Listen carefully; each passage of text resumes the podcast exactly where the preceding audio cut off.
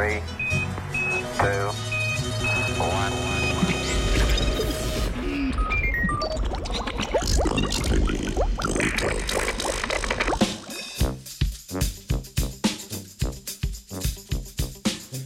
Učinki kolesarjenja na spolno zdravje moških.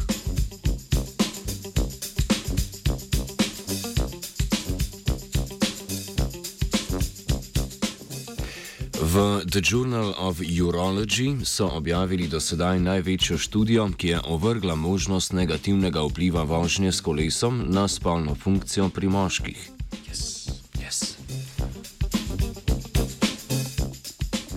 Kolesarjenje je šport s številnimi koristnimi učinki na zdravje, kolo pa je postalo priljubljeno mestno prevozno sredstvo. Tako tudi po ljubljanskih ulicah skoraj v vseh vremenskih razmerah vse več ljudi drvi z lastnim izposojenim ali ukradenim kolesom.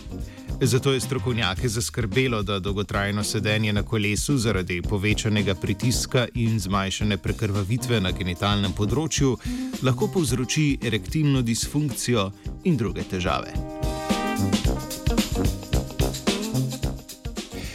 Preko glasa na družabnem omrežju Facebook so našli nekaj manj kot 4000 angliško govorečih odraslih prostovoljcev, ki so bili pripravljeni izpolnjevati vprašalnike o različnih aspektih svojega spolnega zdravja.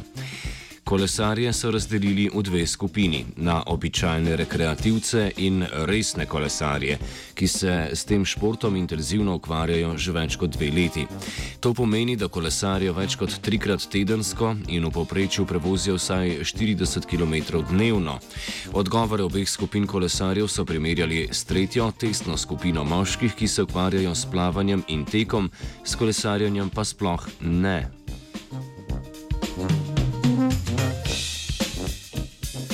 Pri obsežni statistični analizi so znanstveniki in znanstvenice upoštevali tudi številne druge faktorje, ki povečajo tveganje za rektilno disfunkcijo in druge spolne težave pri moških. To so povišen krvni tlak, težave s srcem, sladkorna bolezen, povečana prostata in kajenje. Rezultati študije so pokazali, da so kolesari sicer res nekoliko bolj nagnjeni k zožanju sečnice ter bolečini in otrplosti genitalnega predela, vendar pa med kolesarji in nekolesarji ni bilo statistično opaznih razlik v pogostosti pojava erektilne disfunkcije, okužb sečil ali težav s prostato.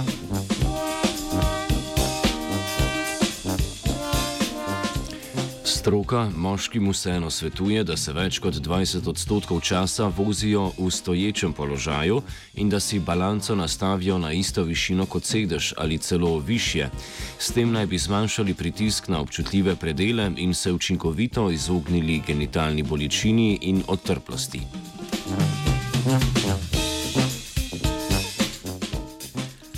Skupaj z uporabniki sistema bicikl in vozniki drugih biciklov si oddahnila Andreja. Jo, jo, jo, radio študent.